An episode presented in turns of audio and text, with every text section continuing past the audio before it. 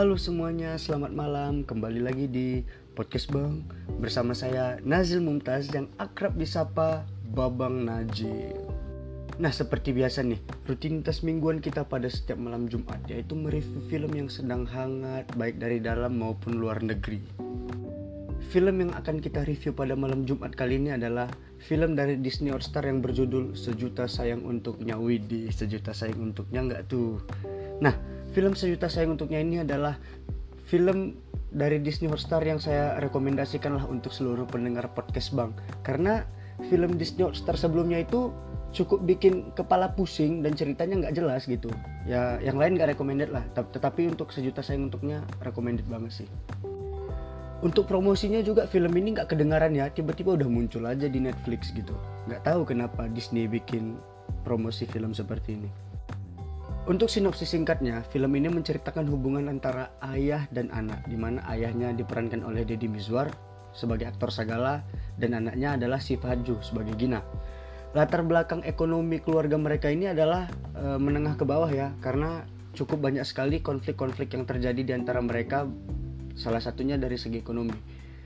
Hal ini dilatar belakangi oleh pekerjaan ayahnya yaitu sebagai artis pendukung doang gitu. Jadi uangnya tidak menetap dan tidak sebanyak aktor-aktor yang di TV itu gitu.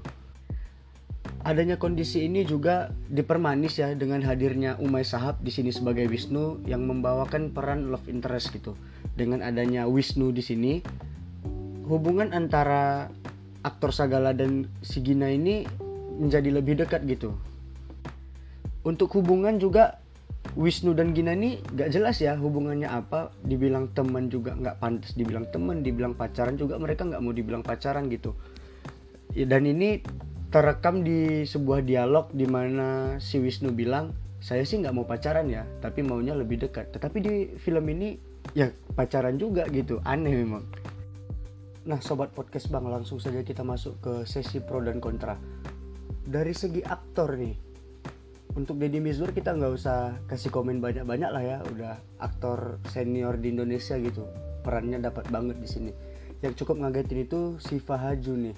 Dia bisa memerankan peran yang touchable banget gitu. Sangat dekat dengan kita sampai nyentuh ke hati lah gitu.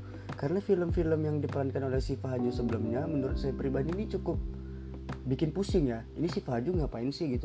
Nah tapi untuk di film ini perannya dapat banget sih luar biasa dari segi latar juga nampak banget nih film ini betul-betul dibikin dengan niat. Karena contohnya nih di warteg tempat jualan nasi itu ada steleng besar dan banyak makanan di situ gitu. Di film-film lain biasanya cuma satu menu aja gitu di steleng yang untuk kita makan gitu.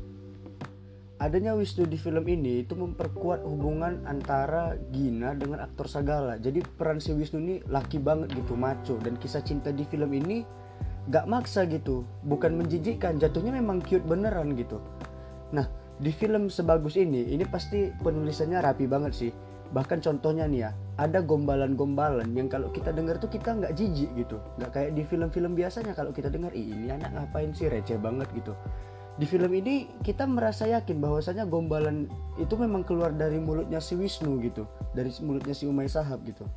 Dari segi pemeran pendukung juga bagus ya karena latar belakangnya sekolahan SMA jadi dandanannya wajar-wajar aja nggak ada lipstick tebal nggak ada bedak tebal nggak ada rok-rok ketat. Ya kayak anak SMA pada umumnya lah. Guru di sekolahnya juga nggak itu itu aja ganti ganti ganti nggak kayak pada film-film lainnya juga yang kadang gurunya itu itu aja nggak pernah ganti gitu. Shoot angle-nya juga kayak banget sih jadi film ini layak banget untuk dinikmati gitu. Detail-detail kecilnya itu bagus banget diperhatikan banget gitu. Ya memang harus bikin film tuh gitu harus memperhatikan detail-detail kecil. Karena detail-detail kecil yang kadang kita lewati kayak guru yang nggak pernah ganti itu itu sebenarnya bikin risih loh untuk kita yang sering nonton film gitu untuk kontra nih saya cuma punya satu pertanyaan aja nih. Kenapa guru BK nya itu seksi banget gitu hot banget? Guru BK yang hot lah pokoknya. Itu aja sih kontranya. Sisanya bagus banget untuk pro kontra. Oke sobat podcast bang kita masuk nih ke bagian spoiler spoilernya dikit aja nih. Bagi kalian yang belum pernah menonton film ini saya jamin deh ini pasti bikin kita mewek. Semuanya pasti mewek nih. Sedih banget karena dapat banget sih ini pesan-pesan organisasi pesannya itu dapat banget gitu.